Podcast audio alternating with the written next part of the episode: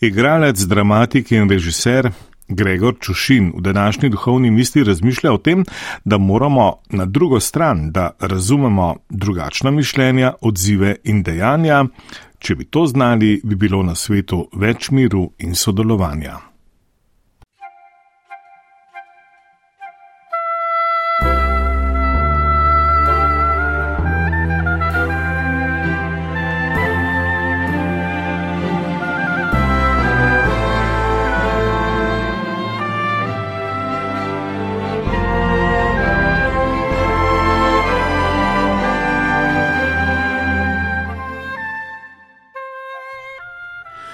Evangelijih je odlomek, ko se Jezus zvečer z učenci ukrca v čovn in jim naroči: Prepelimo se na drugo stran. Potem pa je utrujen zaspal, čeprav se je med plovbo dvignil vihar. Če hočeš iti k drugemu, moraš iti tudi na drugo stran. Če hočeš videti drugo plat medalje, moraš iti na drugo stran in se bojimo te druge strani in druge plati, ker se bojimo, da bomo izgubili dostojanstvo, da nam bodo ranili ali vsaj pomečkali ponos, ker se bojimo, da bomo postali drugačni.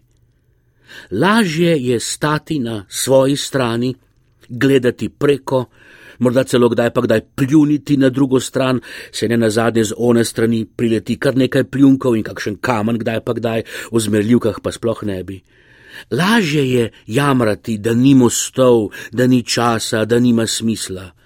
Lažje je stati na svoji strani, hvaliti in braniti svojo stran, kot pa zgraditi most ali pa se s čovnom odpraviti na drugo stran. Pot je naporna, in nevarna, nasproten veter, vihar, valovi, ki zalivajo čovn. Jezus pa spi. Je sploh božja volja, je sploh prav, da gremo na drugo stran. In da ne bo pomote, ta drugi breg ni zgolj političen in strankarski.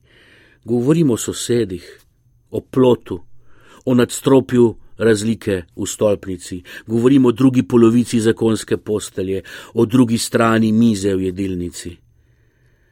A čeprav je pot naporna in nevarna, Jezus pravi: Gremo, prepeljimo se na drugo stran, spet, znova in znova, toliko krat, da se ne bomo več bali, da ne bo več napor, da nam bo pot tako preprosta in enostavna, da jo bomo lahko opravili še v spanju, kot Jezus. thank you